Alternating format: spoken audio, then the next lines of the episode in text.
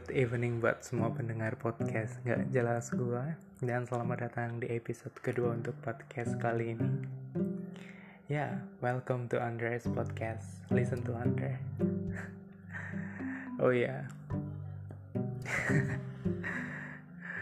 Gue mau ngomong good evening dear listener. Itu kayak geli anjir. Karena gue tahu yang denger podcast gue ini paling teman-teman gue Karena gue tahu teman-teman gue yang paling gabut sampai mereka mau dengerin podcast gue yang isinya itu cerita-cerita nggak jelas tentang apa ya pengalaman gue di masa lalu cerita gue di masa lalu.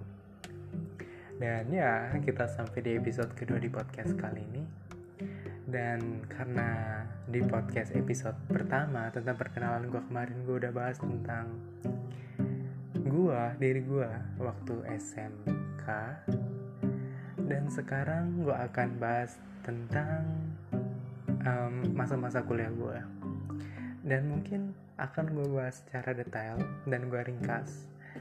Tapi mungkin ini akan memakan waktu yang cukup lama. Jadi untuk uh, bala-bala gue di luar sana tolong siapkan kuping kalian mental kalian. Karena mungkin gue bakal spill kelakuan kalian satu persatu. Gue nggak mau malu sendiri tentunya. Oke. okay jadi gue kuliah di salah satu PTN uh, eh, di kota keluarga besar gue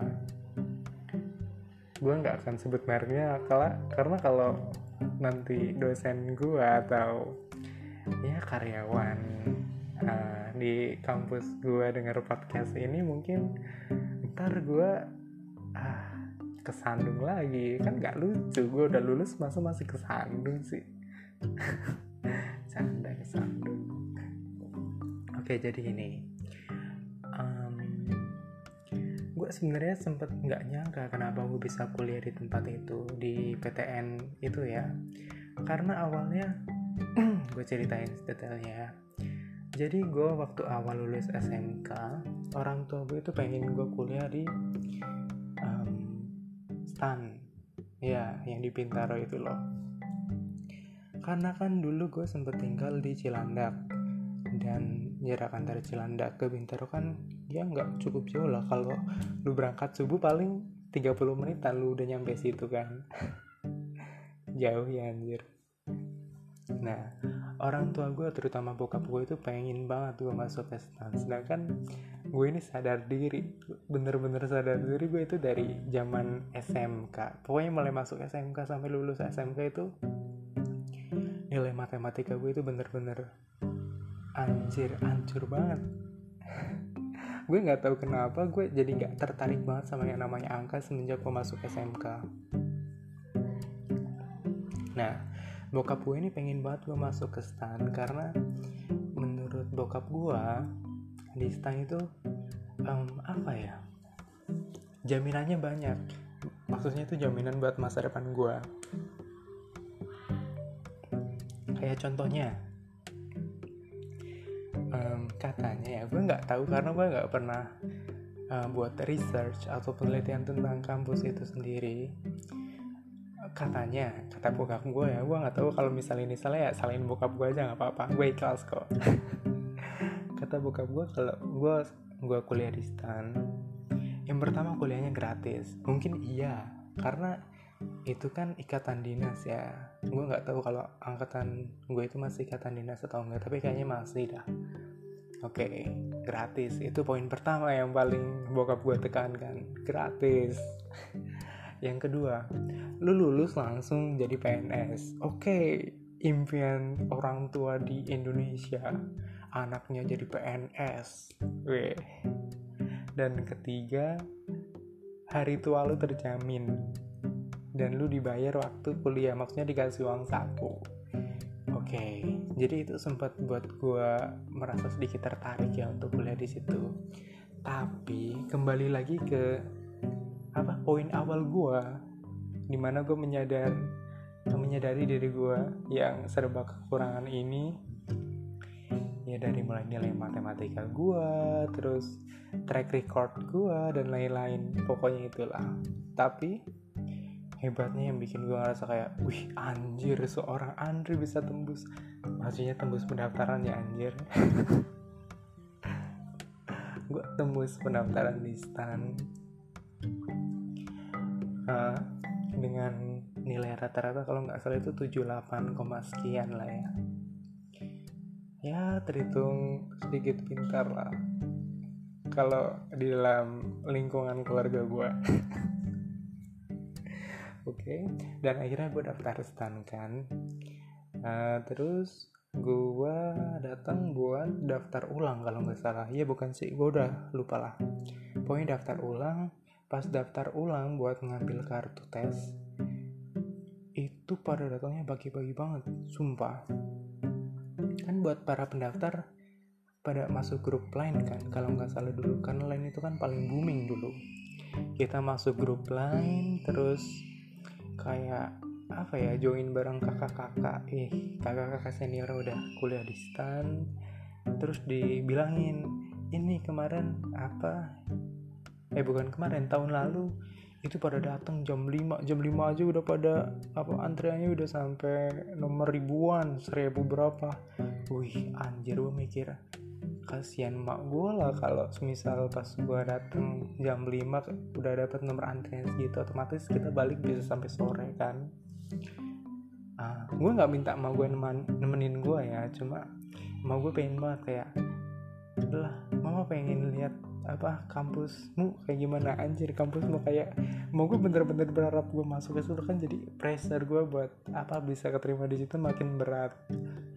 Wah akhirnya berangkat dah tuh gue ke sana jam 3 dan pas jam 3 gue ke sana ternyata udah pada ngantri anjir. Dan untungnya gue nomor 19 gue masih ingat gue nomor 19 jam 3 pagi. Nah gue kan naik grab ke sana ya. Gue naik grab ke sana terus uh, turun di depan pintu gerbang karena abang-abang grabnya itu nggak tahu dan gue juga nggak tahu karena gue nggak pernah ke arah Bintaro kan. Jadi gue itu di Jakarta itu nggak pernah kayak main ke mana-mana sendiri. Dalam artian gue kayak anak rumahan banget anjir. Gue kalau main ya kalau teman gue pada ngajak. Kalau nggak ya ya udah diem aja di rumah diem. Oh ya nah udah sampai stand nih udah sampai stand ya. Terus um, gue langsung jalan nanya ke sapam buat tempat daftar ulangnya di mana? Ternyata di paling belakang sendiri anjir. Dan itu jaraknya lumayan gue nggak apa-apa kalau gue jalan tapi kasihan mak gue kan. Gue nggak tahu kalau jaraknya itu lumayan. Ya walaupun nggak seluas kampus kuning ya. Jalanlah ke belakang. Weh antriannya udah lumayan. Langsung lari lah gue nyerobot buat dapet nomor antrian kan. Nah gue nggak tahu pas daftar ulang itu harus bawa fotokopi KTP karena gue mikirnya kan gue masih under age ya anjir under age padahal gue udah 17an waktu itu. Jadi gue nggak bawa KTP eh bukan nggak bawa gue nggak bawa fotokopiannya nah pas sudah menjelang pagi karena daftar ulangnya kalau nggak salah itu mulai jam 7 pagi. Nah habis itu gue maju kan di meja udah mulai nulis-nulis ditanyain KTP-nya mana dek? Anjir. Anjir gue nggak bawa terus gue obrak abrik tas gue kan akhirnya ketemu KTP-nya gue serahin KTP-nya terus ditanya lagi fotokopian KTP-nya mana dek? Gue ngomong dong belum ada kak. Saya nggak tahu kalau hari ini apa kalau daftar ulang harus pakai KTP fotokopi KTP maksud gue nah terus gue mikir kayak ini anjrit ini udah jam 7 antriannya udah sampai ribuan dan gue nggak bawa fotokopi KTP masa iya gue ngulang lagi dari belakang? Mau balik jam berapa gue pikir gue gitu kan. Untung ada abang-abang yang baik. Dia nyimpenin nomor gue nomor 19 itu dia simpenin terus dia nyuruh gue udah sekarang kamu pergi ke sana ke belakang sana itu ada fotokopian. Fotokopi KTP nanti langsung taruh sini baru saya kasih nomor antrian kamu Wih seneng banget tuh guys sebenernya akhirnya perjuangan gue berangkat jam 3 itu nggak kerasa sia-sia loh. Oke abis itu gue apa lari gue apa lihat orang bawa motor gue cegat langsung gue bilang bang tolong anterin gue ke fotokopian dong gue bayar dah sepuluh ribu nggak apa-apa. Gue nggak tahu jauh atau deketnya berapa apa jauh atau deket tempat fotokopiannya ya. Gue main ngomong gitu aja karena emang biasanya kan kalau ojek sepuluh ribuan kalau jarak deket ya nah atau ya udah bilang sepuluh ribu aja abang-abangnya ini mau aja langsung dah digas ke sono. Dan ternyata fotokopinya deket banget anjrit. Karena kan tempat gua daftar ulangnya aulanya itu kalau nggak salah deket banget sama gerbang itu emang gedung paling akhir di situ kan. Nyesel dah gua kenapa tadi gua nggak jalan aja ya anjrit. Gua ngerasa kayak dua duit gua sepuluh ribu lumayan anjir bisa buat beli chicken di pinggir jalan akhirnya gue fotokopi lah. Habis itu baliknya gue jalan kaki coy. Gue kagak naik ojek lagi lah. Gue jalan kaki balik ngasih fotokopi KTP dapat masuk daftar ulang dah. Terus um, gue kebagian buat tes itu di Mantiga yang di mana ya? Mantiga itu ada di pokoknya di pinggir jalan tol gue lupa ada di mananya kalau nggak salah di pondok pondok-pondok apa ya? Pokoknya di pondok-pondok itulah. Gue nggak tahu. Nah di Mantiga kan. Nah terus karena udah oke okay, besoknya gue survei ke tempat. Nah pas gue survei ke tempat ini bokap nyokap gue ikut. Jadi mereka maksa ikut apa mama sama papa mau lihat dong tempat tes kamu besok. Kayak gimana? Siapa tahu kamu nanti bingung kan tes baliknya gimana. Ya elah udah zaman 4.0 eh waktu itu masih 3.0 ding. Udah 3.0 udah ada grab udah ada gojek nggak perlu pusing lagi. Nah karena bawa orang tua kan dan lu kan tahu tadi gue udah sempet cerita karena apa kalau gue itu bocah rumahan ya gue mikirnya ah gue pengen coba transportasi umum Jakarta lah daripada naik grab.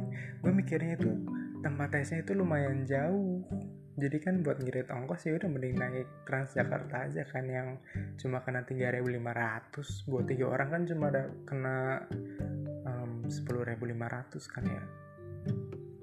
Nah naiklah busway dan gue gue baru pertama kali itu sumpah. Pertama kali itu gue baru tau naik busway itu harus muter dulu. Dalam artian gini kita nggak bisa langsung kayak ke tempat itu enggak kita muter dulu. Gue naik busway terus oh ya gue waktu itu bilang mah sekalian apa main ke Monas dah. Kenapa? Karena ini momen jarang banget di mana gue nyokap dan bokap gue bisa bareng keluar. Karena bokap gue itu sibuk banget waktu itu. Dia itu apa dia kan kerja di Cibubur dan kita itu di Cilanda kan. Jadi uh, dia berangkat pagi balik sore. Jadi kita nggak pernah kayak punya waktu buat main keluar. Dan kalau kita main keluar malam kan otomatis tempat-tempat kayak gitu udah pada tutup kan. Nah ini kita ke Monas dulu. Kayak dari Jakarta Selatan ke Monas itu dua jaman kalau nggak salah sampai bokap gue itu misu-misu di dalam bus bayangin ya. Di dalam bus dia misu-misu gue ah kalau tahu gini tadi mending kita langsung naik grab aja langsung bus sampai tempat. Ini makai muter-muter udah dua jam. Bokap gue misu-misu kayak gitu terus kan padahal nyokap gue anteng duduk doang dia lagi nikmati berjalan. Karena gue sama nyokap gue itu emang bener-bener suka jalan-jalan. Dalam artian ya jalan-jalan yang santai yang sederhana aja gitu loh. Tapi bokap gue nggak dia paling nggak suka kalau jalan-jalan tapi lama. Apalagi pakai kendaraan umum kayak gitu dia paling nggak suka itu. Udah kita sampai Monas kita main balik lagi terus kita langsung ke lokasi. Kita cek lokasi habis itu kita pulang. Nah pas pulang karena bokap gue udah sebel banget kalau pakai transportasi umum akhirnya kita pakai grab. Grab car ya. Gue nyewa grab car. Nggak nyewa sih anjir. Apa namanya? Gue order grab car. Terus apa? Gue ketik tuh alamat rumah kita kan. Dan ternyata deket banget coy. Anjir sumpah. Deket banget dari rumah. Kayak cuma 6 atau 7 kiloan lah. Dan itu habisnya cuma sekitar uh, 36 ribu kalau nggak salah waktu itu. Nah akhirnya kita order itu kan. Kan dulu kalau nggak salah itu OVO belum ada kayaknya. Kalau nggak salah gua gua rada lupa ya. Gua nggak tahu. OVO belum ada kalau nggak salah. Nah otomatis kita bayar pakai cash kan. Dan yang bayar bokap gua. Nah waktu udah sampai rumah kan tadinya gua mau bayar dengan duit pas bokap gua bilang gini udah nggak usah. Langsung apa bokap gue langsung larin duit 50 ribuan kan dikasih. Makasih ya pak. Langsung balik. Gue batin gue gini 14 ribu lumayan. Sumpah gue kan bocah irit ya anjir. Bohong banget ngomong gue irit baru gue paling boros. Gue paling apa ya namanya kayak apa sih kayak ngirit banget lah kayak kalau bahasa Jawanya tuh namanya eman-eman eman-eman sama duit duit dibuang-buang itu ya walaupun itu hanya sedekah ya. Ya Allah kayak orang gak ikhlas banget. Maaf ya pak. Oke okay, kita lupain lah cerita itu. Kita balik lagi ke cerita awal. Nah habis itu besoknya gue tes kan. Gue berangkat jam 7 sampai tempat gue tes kelar gue nunggu pengumuman. Kalau nggak salah pengumuman itu nunggu satu atau dua hari gue lupa lah. Terus finalnya gue nggak terima. Batin gue itu seneng. Tapi luarnya gue sedih karena gue mikir ya emak bapak gue nggak jadi bangga sama gue padahal mereka udah cerita cerita ke apa tetangga kalau ini anak anak gue ini daftar stan loh. Kan bokap gue itu over proud banget sama gue over proud banget sama gue kayak gimana ya? Pokoknya lu harus jadi yang terbaik. Lu harus bisa jadi apa anak yang bisa uh, bapak pamerin ke teman-teman bapak gitu. Anjir. Emang pak udah kayak gitu kan. Akhirnya malah terima. Terus oh iya kalau nggak salah pas pengumuman itu itu bareng pak sama pengumuman SNMPTN sama PMDKPN nah gua kan SNMPTN otomatis nggak lulus kan karena gua anak SMK persentasenya itu kecil banget buat anak SMK buat lulus di jalur SNMPTN nah akhirnya gue daftar juga di PMDKPN cuma PMDK PMDKPN gue daftarnya di um, Polines sama satu lagi di mana ya? Politeknik mana? Gue lupa nah pilihan pertama gue di Polines nih. Terus gue cek dah pengumumannya. Ternyata lolos Polines coy. Sumpah gue seneng banget kan. Alhamdulillah gue kuliah di PTN batin gue kayak gitu. Terus gue bilang dong ke nyokap mah aku mau kuliah dong. Terus nyokap gue bilang ya boleh silakan. Ngomong aja sama papa. Nah gue ngomong sama mama dulu kan uh, aku udah keterima nah kebetulan bokap gue lewat. Gue ngomong gini keterima di Semarang. Bokap gue langsung bilang jangan udah nggak usah kuliah jauh-jauh lagi. Udah kuliah yang deket sama keluarga besar aja kuliah di Cilacap aja. Katanya di Cilacap itu ada kampus negeri. Itu kan deket sama mbak kamu juga deket sama rumah kita yang di kampung. Udah kuliah di situ aja. Anjir gue langsung kayak jelek padahal udah lulus SN SNMPTN kan? PMDKPN anjir. Ya Allah kayak sakit banget. Padahal uh, Polines itu dulu kampus nomor satu ya buat politeknik. Kayak ih gue udah menang lotre malah kayak gini. Ya Allah sakit banget. Tapi ya karena namanya orang tua kan kita juga harus nurutin kemauan orang tua. Ya akhirnya gue daftar lah di apa kampus ini yang deket keluarga besar gue gue daftar di situ tapi di jalur mandirinya. Kenapa? Karena waktu gue balik ke kampung buat jalur SN eh PMDKPN kan udah lewat ya karena pengumumannya udah keluar. Terus yang buat apa ya habis itu pokoknya jalur yang kayak SBMPTN juga udah lewat kan. Akhirnya gue daftar jalur mandiri yang jalur tes gue daftar ke sono gue dianterin sama om gue gue berangkat dari rumah itu jam 5 pagi kalau nggak salah atau jam 6 sampai sana itu kalau nggak salah setengah 7 gue langsung tes. Nah gue karena awalnya kan kayak gimana ya kayak udah pasrah lah. Nggak kuliah juga nggak apa-apa toh karena ini kan bukan pilihan gue gue rasanya kayak gitu kayak nggak ikhlas banget itu tapi ya karena emang ya kemauan orang tua ya mau gimana lagi kan. Ya tetap gue jalanin aja lah. Akhirnya gue tes kelar langsung balik ke rumah kan. Tapi makan siang dulu ding sama om gue habis itu selama beberapa hari nunggu nunggu nunggu. Nah gue lupa kalau ada pengumuman itu kan yang apa jalur mandiri gue bener-bener lupa karena gue gak ada pemikiran kayak gitu loh. You know, gue lagi gabut mainan HP terus tiba-tiba gue ingat oh iya gue daftar kuliah coy.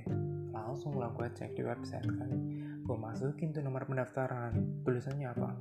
Selamat anda diterima di kampus ini jurusan teknik informatika D3 teknik informatika. Segera daftar ulang.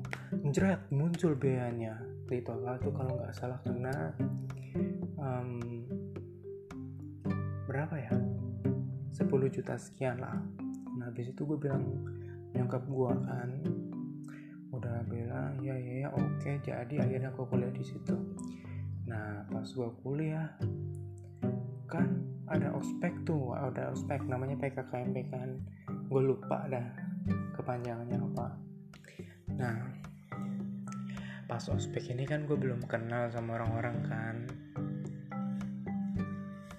Dan lu tahu kan di episode pertama gue udah bilang gue kayaknya itu kayak sual kami tuh sama orang. Kalau mau temenan sama gue ya ya ayo bro gue rangkul lah.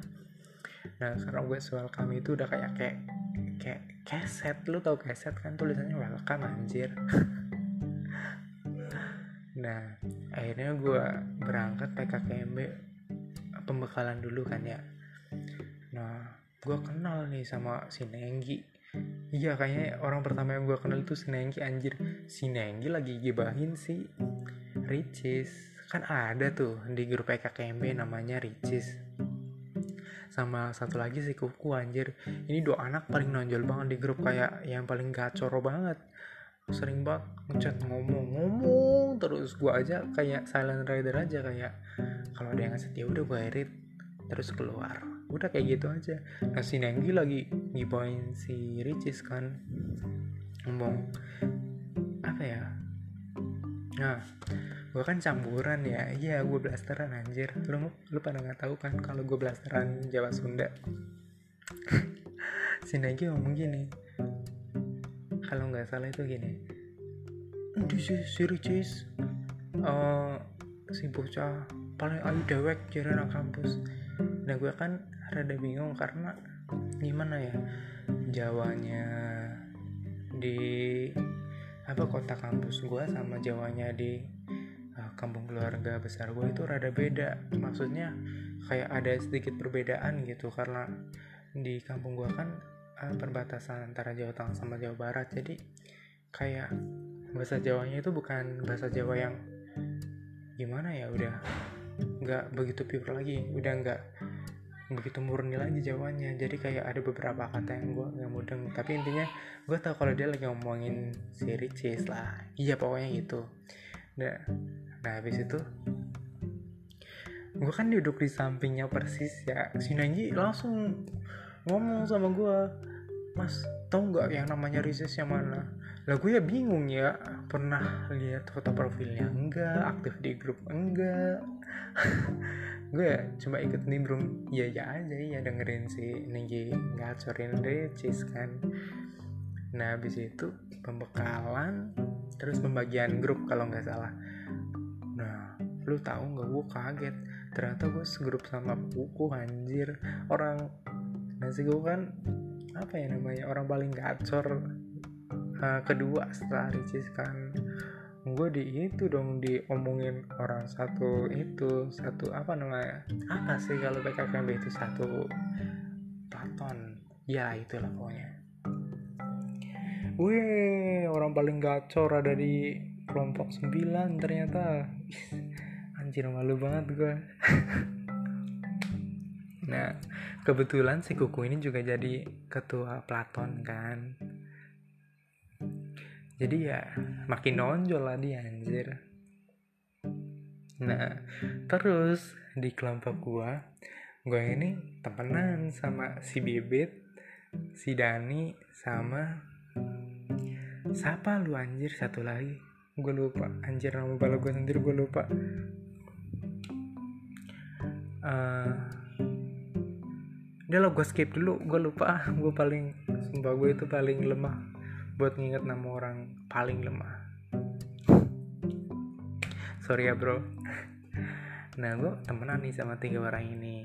Nah di grup ini nama circle gue anjir pakai circle lagi udah kayak apaan ya? Firly ya si Firly anjir nama lu susah banget Fir.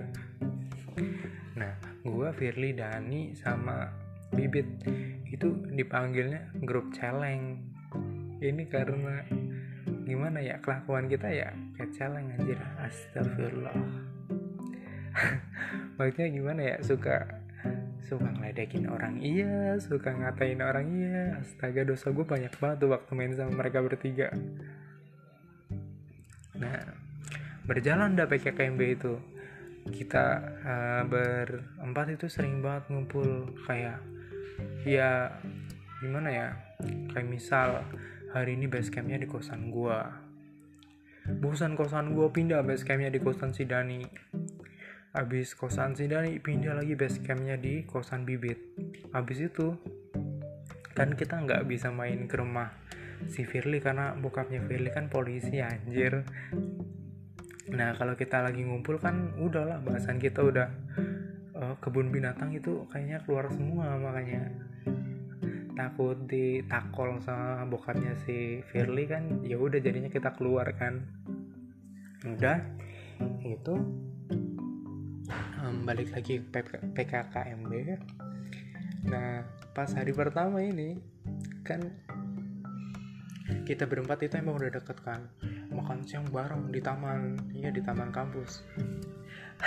Nah kondisi taman kampus itu ramai banget anjrit kita makan di sono sambil liatin orang kalau ada orang makan tuh kita kayak niru nih oh, kalau udah masuk kayak krok krok itu kelakuan si Firly sumpah gue nggak ngikut ikutan gue cuma ketawa doang. Nah si Firly anjir banget sumpah. Emang kelakuan si Firly tuh kocak banget cuma ya gimana malu-maluin juga lama-lama anjir. Nah akhirnya kan pada ikut-ikutan tuh satu kelompok gue pada kayak gitu semua akhirnya kan. Jadi udah kayak kebiasaan.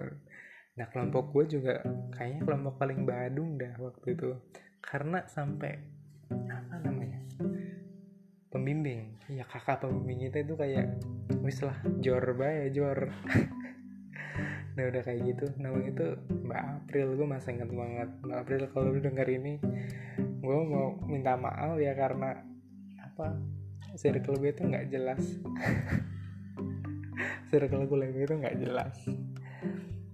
Nah tapi menurut gue tuh pengalaman yang kayaknya paling berkesan waktu gue pertama kali ospek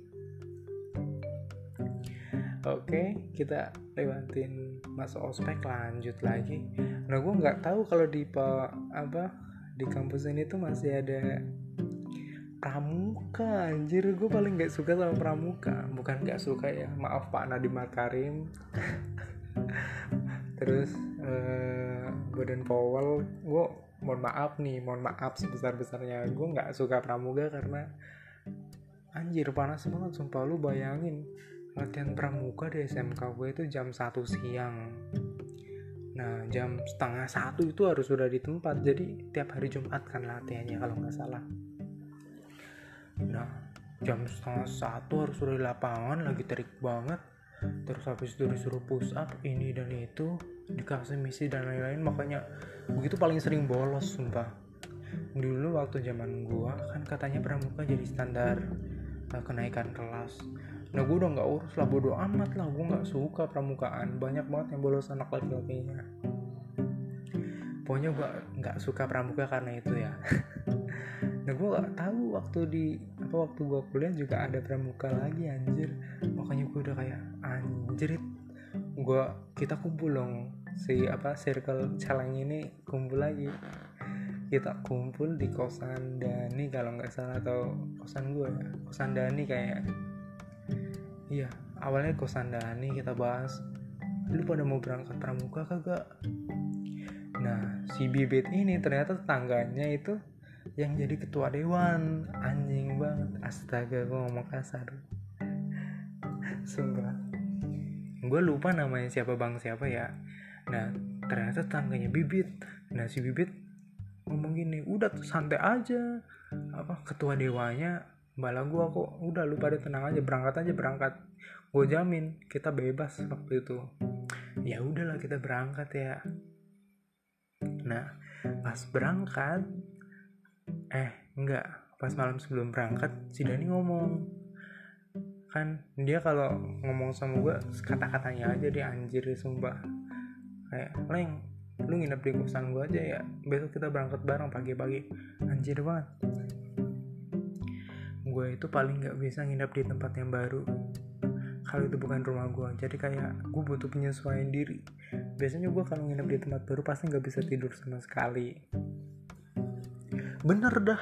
Gue nggak tidur. Gue cuma apa guling-guling doang di kasur.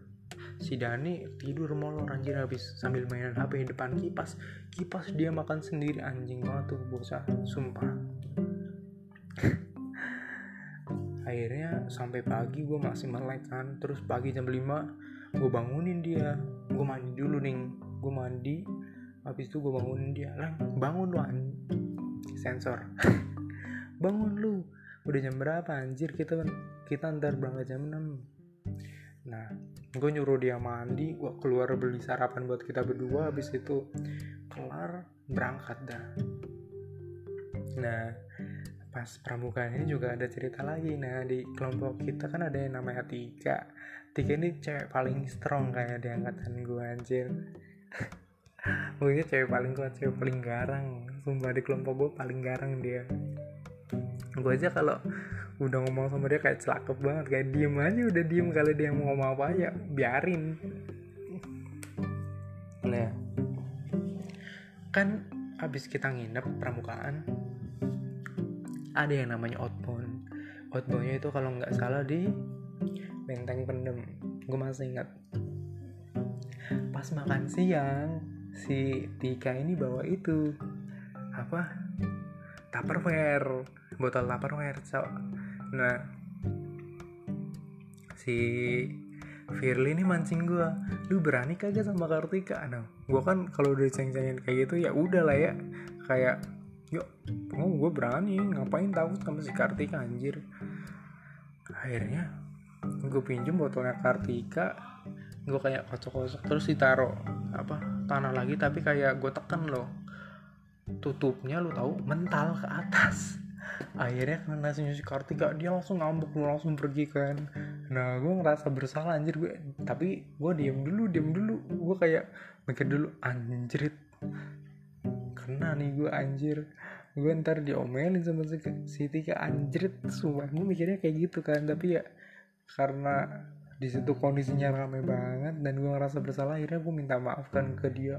Gue deketin tik diem aja diem sumpah diem gue makin pucat. Anjir gue abis nih kena.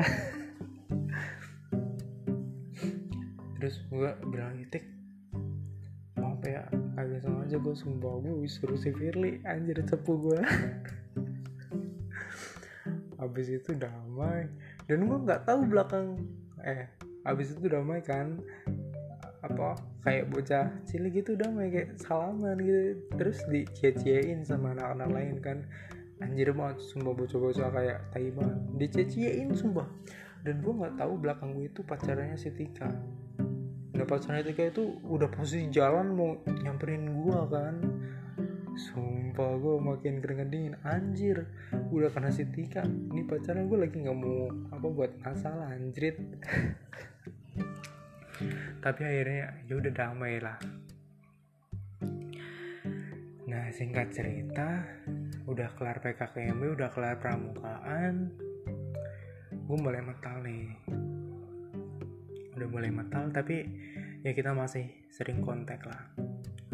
Nah akhirnya udah mulai perkuliahan normal kan terus gue udah mulai kenal teman-teman kelas gue teman-teman satu jurusan gue tapi lo tau nggak gue dari zaman SMK itu paling seneng temenan sama apa orang-orang yang di luar jurusan gue terlebih dahulu. Jadi kayak ngakrapin apa orang-orang luar jurusan gue dulu kayak biar apa ya bukan biar gue famous enggak. Gue enggak ngeliat famousnya tapi biar enak aja gitu. Soalnya gue itu demen kayak masuk ke kelas orang terus ngobrol. Gue demen kayak gitu. Jadi gue kenalan lah sama anak teknik lingkungan teknik mesin. Pokoknya semua lah gue jabanin. Nah gue paling dekat itu sama anak teknik lingkungan. Gue masih ingat nih teman gue si bagus terus si Maya, Meta, Dau, Anis dan lain-lain pokoknya. Pokoknya semua bocah lingkungan ya bala gue lah. Nah tapi gue biasanya kalau ke anak lingkungannya paling sering main. Kalau nggak si Maya bagus ya Meta Anis Dau. Udah. Pokoknya mereka-mereka inilah. Kita paling sering main uh, gue paling sering main sama mereka. Nah lu tau nggak? Kalau misal gue udah deket kan sama teman-teman gue kelakuan gue tuh ya kayak udah bebas suka aja. Maksudnya gini gue nggak akan nahan diri gue gue nggak akan kayak ngerasa sungkan. Ya udah temen aja temenan gitu. Terus sering kan gue ngajak main kayak ayo lah main ke sini main ke pantai. Lalu tahu di kota orang yang baru gue main jalan pakai boxer bukan boxer sih kayak celana pendek yang biasa buat lari lu tahu kan yang banyak parasut itu loh. Gue nggak tahu itu namanya apa. Nah main ke pantai janjian kan. Si Meta sama si Anu sudah nunggu. Mau jalan aja jalan nyelonong ke sono kan. Naik sepeda gua. Pakai celana pendek. Nah gue pas berangkat sebenarnya pede-pede aja pas udah sampai. Anjir rame. Malu banget gue pakai celana kayak gini udah kayak orang gila sumpah. Nah tapi gue bedain aja muka gue tebelin aja lah bodo amat. Kan niat gue mau refreshing buat mau ah apa bukan mau uh, ikut ajang fashion show atau apa pun itulah.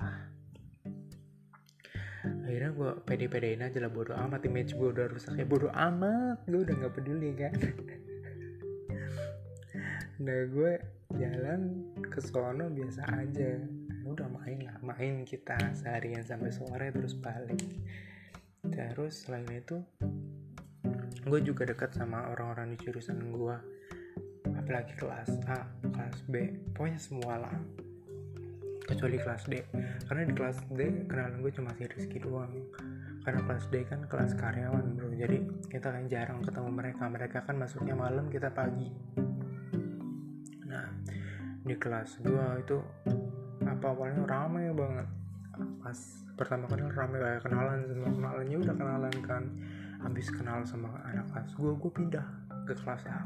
Gue kenalan. Nah gue kan ganti nama orang. Jadi karena ingatan gue tentang nama orang itu susah dalam artian gue susah banget buat ingat nama orang kan. Ada yang namanya Julia. Namanya Juli gue panggilnya Juleha. Biar gampang soalnya susah sumpah. Ingat nama orang itu hal yang paling susah menurut gue pokoknya saya enak gue aja manggilnya gimana. Astaga maaf ya Jul. Terus juga sama anak kelas B. Bala gue itu kalau di kelas A B itu si Irfan si Lia si Agung. Pokoknya ya semuanya lah bala gue nah uh, gue sama Agung kenal itu karena Agung juga anak kelompok gue terus kita juga ikut jadi panitia buat duta wisata kan. Eh bukan duta wisata. Buat apa namanya? Disnatalis disnatalis kampus. Makin deket lah kita sering hangout bareng sama Bagus Maya dan lain-lain. Karena emang apa ya kita satu panitia. Kita sering main sering keluar sering makan bareng dan lain-lain. Terus gue juga dekat sama Celia yang anak kelasnya itu gara-gara kita magang itu bareng. Cecilia itu magang bareng kita di Nokola nah 6 bulan bareng otomatis kita deket banget kan udahlah pokoknya semua orang di jurusan gue itu teman gue kecuali si Firman. Sorry ya Firman. Sama Aji sumpah. Enggak Aji lu gue blacklist. Oke okay. di kelas 2 menurutku gue fine fine aja. Gue aktif ikut organisasi ini tuh karena gue anaknya kebutan gue nggak bisa diem. Jadi gue ikut organisasi terus di kelas 3 di kelas 3 ini ini struggle udah mulai berdatangan kayak magang terus tugas akhir. Semua gue paling benci sama tugas akhir tugas akhir. Untung gue udah lulus ya. Sumpah. Gue gak bisa bayangin kalau gue nggak lulus terus gue stuck di tugas akhir itu kayak anjrit gila gue um, di tugas akhir ini oh iya gue mungkin karena gue kan emang anak bokap gue ya.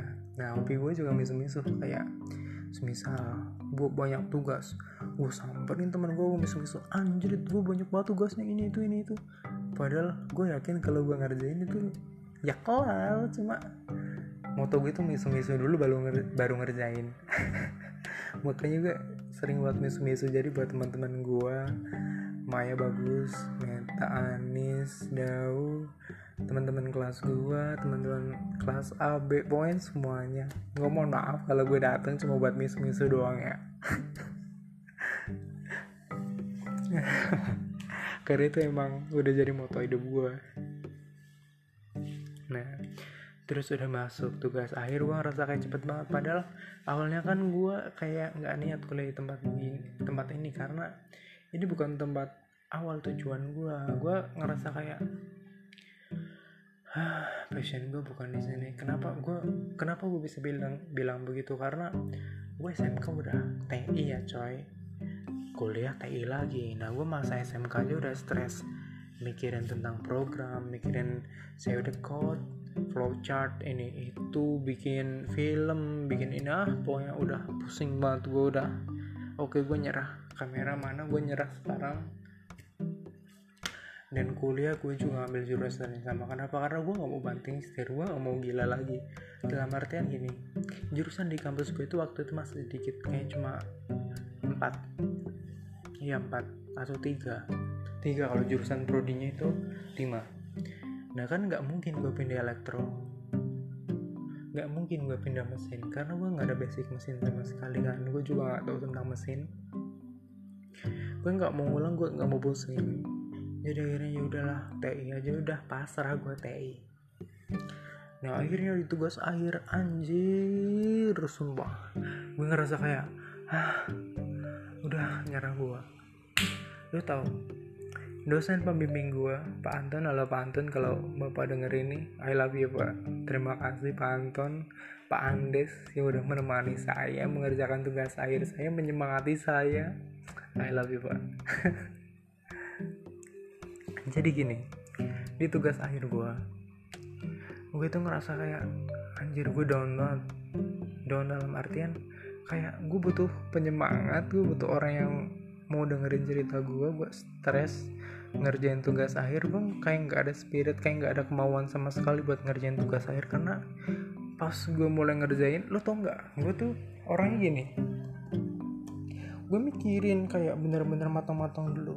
Eh ntar gue ngerjain tugas akhir gimana? Kayak gitu kan.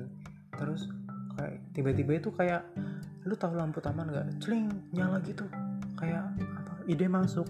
Gue kayak udah masuk oh ya vouchernya nanti gini gini gini. Gue ngodingnya gini gini gini gini. Tapi pas implementasi di coding nih sumpah gue paling benci coding. Error. Udah hilang langsung ide gue karena udah stres dulu di error. Nah lu tahu gue itu kalau ngerjain tugas akhir tuh produknya dulu baru laporannya karena menurut gue itu lebih gampang daripada kita bikin laporannya baru produknya. Mungkin itu salah kalau secara alur ya karena kita harus buat desain sama apa yang akan kita buat di situ gambarannya gambaran secara kasarnya. Nah itu kita tuangkan dalam laporan kan. Tapi tapi nggak gue kebalikannya supaya lebih mudah. Karena alasan pertama gue paling malas bikin laporan. Laporan itu tebel banget.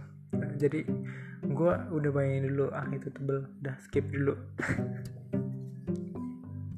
Nah karena gue fokus banget sama aplikasinya terlebih dahulu kan akhirnya sampai um, sebulan kurang dari sidang gue masih di bab 2 lu bayangin di bab 2 bab 2 itu belum nyentuh uh, apa namanya kayak diagram diagram terus desain dan lain itu belum nyentuh sama sekali. Di di bab 2 itu kita masih kayak dasar masih dasar banget. Jadi kayak ya gue kayaknya emang bener-bener stres waktu itu. Gue kayak nggak mikir sama sekali perjuangan gue dua tahun sebelumnya itu kayak apa sampai gue itu nggak punya pemikiran buat nyicil laporan gue untung ada Pak Anton, Pak Anies dan teman-teman gue tercinta yang selalu siap sedia buat mendengarkan gue, selalu menyemangati gue. Thank you very much buat kalian.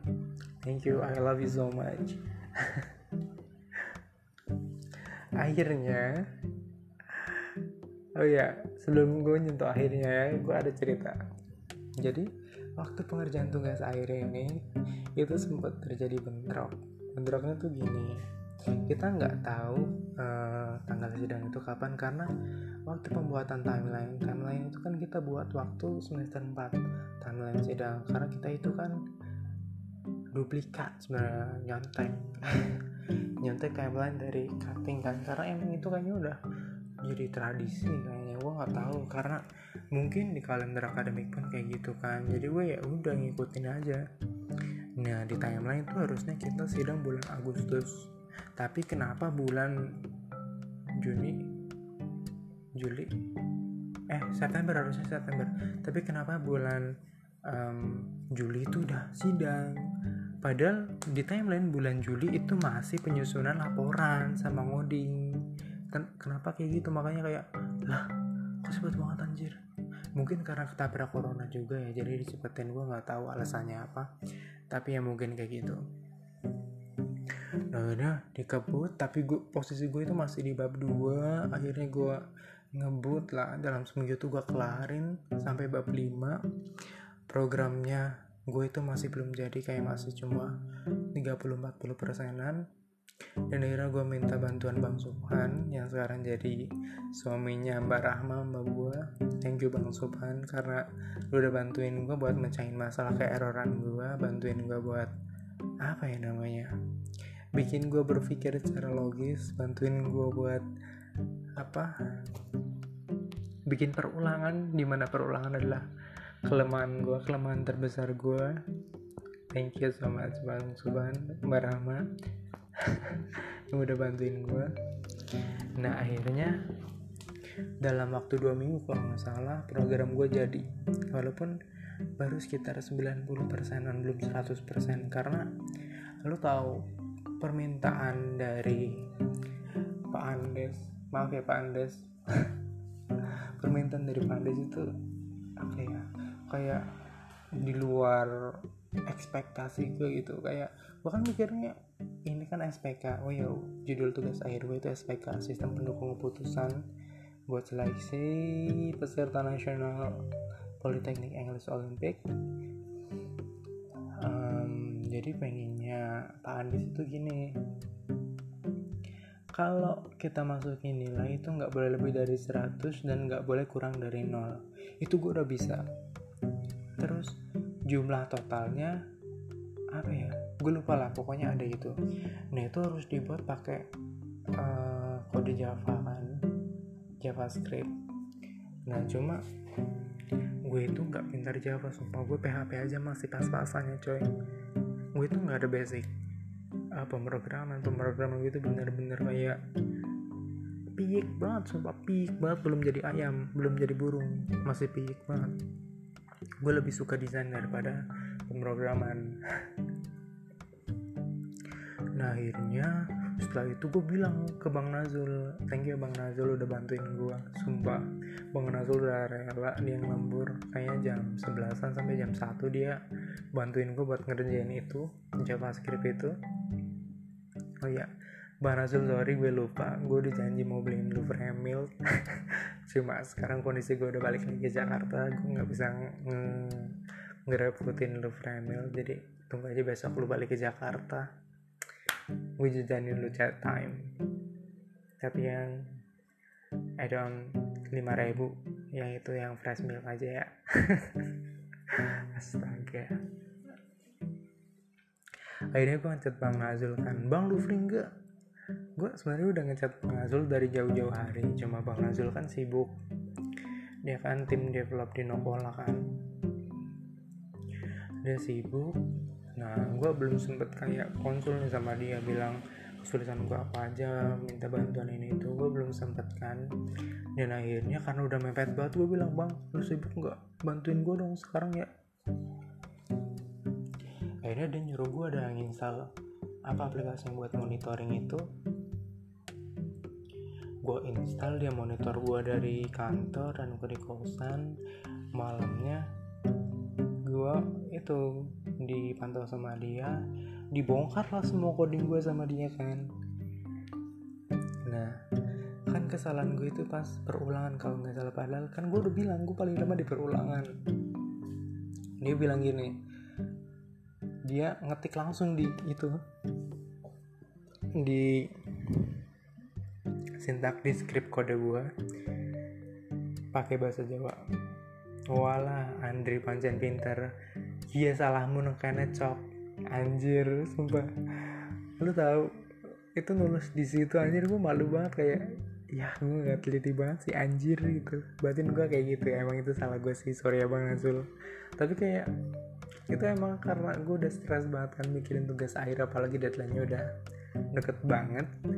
Dan ya gue pasrah ya udah kayak pasrah udah stres banget akhirnya gue minta bantuan bang Nazul abis kelar yang perulangan itu perulangan itu udah fix sudah benar gue minta tolong lagi buat itu. Yang JavaScript itu karena gue nggak tahu sama sekali kan. Dan gue nggak bisa gue bilang bang buatin dong sumpah bang gue udah kayak pusing banget gue nggak bisa. Yang apa? JavaScript itu. Akhirnya sama bang Nazul gue diajarin kan lewat on screen itu. Gue diajarin sampai kelar. Tapi dibikinin sih lebih kayak dibikinin anjir karena gue gak sama sekali kan basic gue JavaScript itu karena gue gak pernah nyentuh JavaScript dan gue gak suka JavaScript. Thank you. Akhirnya kelar udah jadi. Terus besoknya gue demo ulang ke Pak Anton Pak Andes. Pas demo itu programnya dipakai. Sumpah yang JavaScript itu dipakai. Tapi pas sidang nggak dipakai. Lu bayangin gue gue udah stres duluan waktu denger revisi itu gue udah kayak pusing gue udah ngerepotin banyak orang kayak satu Indonesia gue repotin semuanya. Terus pas sidang ternyata yang itu nggak dipakai sumpah lu bayangin kayak apa? Perjuangan gue bro. Perjuangan gue buat apa? Namanya ngepus Bang Razul biar mau bantuin gue itu kayak wah banget. Tapi ternyata nggak dipakai jadi kayak lu udah lari lu udah lari dari lantai 1 ke lantai 70 tiba-tiba waktu udah di lantai 70 effort lu nggak dihargain sama sekali. Sumpah kayak jatuh Pluk. udahlah kelar hidup lu. Tapi alhamdulillah sih karena nggak dipakai kan jadi seenggaknya program itu pure. Pure karena bantuan banyak orang. Um, terus apa ya udah kelar itu gue dapet revisi. Nah revisi ini sumpah revisi ini yang paling out of the box. Jadi gini sumber referensi gue kan mayoritas dari jurnal nasional. Nah salah satu dosen penguji gue itu bilang mas uh, referensinya boleh saya tambahin nggak? Pak Andes bilang dong boleh pak. Boleh mau tambahin berapa? Ngomong aja pak. Nanti biar anak bimbingan saya langsung nambahin. Gue belum jawab bro. Pak Andes sudah jawab duluan. Terus apa? Si dosen penguji ini bilang saya tambahin um, 8 8 ya pak. Dia ngobrol sama Pak Andes gitu padahal gue yang ditambahin ya kenapa bukan nanya ke gue gue kayak bingung banget kayak cuma melongo doang kayak hah? Kayak gitu sumpah itu kalau di dalam laboratorium ada CCTV mungkin udah kerekam terus jadi aib gue kali. Nah terus waktu denger 8 gue langsung naik gue dong pak masa 8 sih? Sumpah pak. 8 itu kayak ah enggak deh pak. Akhirnya nego-nego fix 6 nah 6 ini gue kira kan awalnya cuma jurnal nasional. Kalau jurnal nasional mungkin banyak ya. Walaupun metodenya bukan metode yang gue pakai buat sistem pendukung keputusan gue ini. Cuma ternyata 6 ini tuh uh, dua jurnal. Dua jurnal dalam artian jurnal yang berbeda. Satu uh, tiga jurnal nasional dan sisanya tiga jurnal internasional. Lu bayangin jurnal internasional bro jurnal internasional itu semuanya berbayar. Mungkin ada yang gratis tapi masa iya lu mau pakai cara yang ilegal bro? Waktu denger itu gue sumpah kayak diem. Berapa detik gitu. Kalau nggak diiyain gue nggak lulus. Kalau diiyain gimana cara muter otaknya? Akhirnya gue iyain lah ya karena gue pengen lulus bro. Habis itu keluar ruang sidang gue diem aja terus teman gue pada datang eh gimana deh sidangnya? Gue pasang muka senyum dong. Gampang sidang tuh apa anjir? Cepet kan gue? Sombong banget kan ngomong kayak gitu. Habis itu gue langsung kayak murung lagi anjir. Gue ceritain lah ke teman-teman gue. Diketawain gue nah habis itu gue langsung ketemu Pak Anton gue protes ke Pak Anton Pak kok Pak Anies gak bantuin saya malah apa nambahin revisi saya sih Pak? Gitu kan. Gue nyepuin Pak Anies ke Pak Anton. Gak tahu diri banget gue maaf ya Pak Andes nah gue cerita lah tentang jurnal internasional itu. Terus gue cerita tentang struggle buat nemuin jurnal internasional itu. Gue sampai bilang ke Pak Anton Pak punya akses ke luar nggak ke jurnal internasional itu Pak Anton nggak punya bro. Terus Pak Anton nyaranin gue ke Budia Budia kan dosen wali gue dan dia itu dosen bahasa Inggris kan. Bilang gini udah coba uh, Mas Andri ke Budia siapa tuh Budia punya akses keluar gitu. Gue temuin Budia dah Budia nggak punya juga anjir. Sumpah gue bingung banget. Gue kayak udah speechless banget gue sumpah gue kayak nggak bisa berkata apa-apa lagi. Akhirnya gue nulis di Twitter yang punya akses jurang internasional tolong DM gue dong. Alhamdulillah banyak bala gue yang bala-bala online gue yang baik hati. Akhirnya gue dapet akses keluar gue dapet beberapa jurnal yang emang mendukung penelitian gue totalnya ada 8 jurnal internasional. Gue pilih tiga terbaik akhirnya gue dapet. Habis itu gue cantumin di buku laporan gue udah kelar. Alhamdulillah. Akhirnya revisi gue kelar. Nah kelar sidang kan ada masa-masa nganggur gue nih. Masa-masa nganggur gue ini gue kayak merenung kayak kok kerasa cepet banget ya padahal awalnya gue itu nggak ada niatan buat ada di tempat ini di lokasi apa di lokasi ini di kota ini gitu. Tapi karena mungkin karena gue udah nemuin teman-teman yang emang sefrekuensi sama gue teman-teman yang emang sealiran sama gue anjir. Aliran apa? Aliran sesat. Iyalah pokoknya itu teman-teman kayak gitu. Akhirnya gue ngerasa nyaman. Dan tiba-tiba waktu berlalu dan cepat gue lulus kelar gue ngerasa kayak hampa kayak kosong banget. Karena di rumah keluarga besar gue kan nggak ada orang yang seumuran gue kan. Jadi gue kayak ngerasa gue nggak punya temen sama sekali semua habis itu um, ya udah gue kontakan pakai WhatsApp doang ke teman-teman gue oke karena waktunya udah limit dan gue baru tahu ternyata kalau di Anchor itu cuma 60 menit jadi ya yeah Thank you very much for listening, and this is Listen to Andre. Thank you.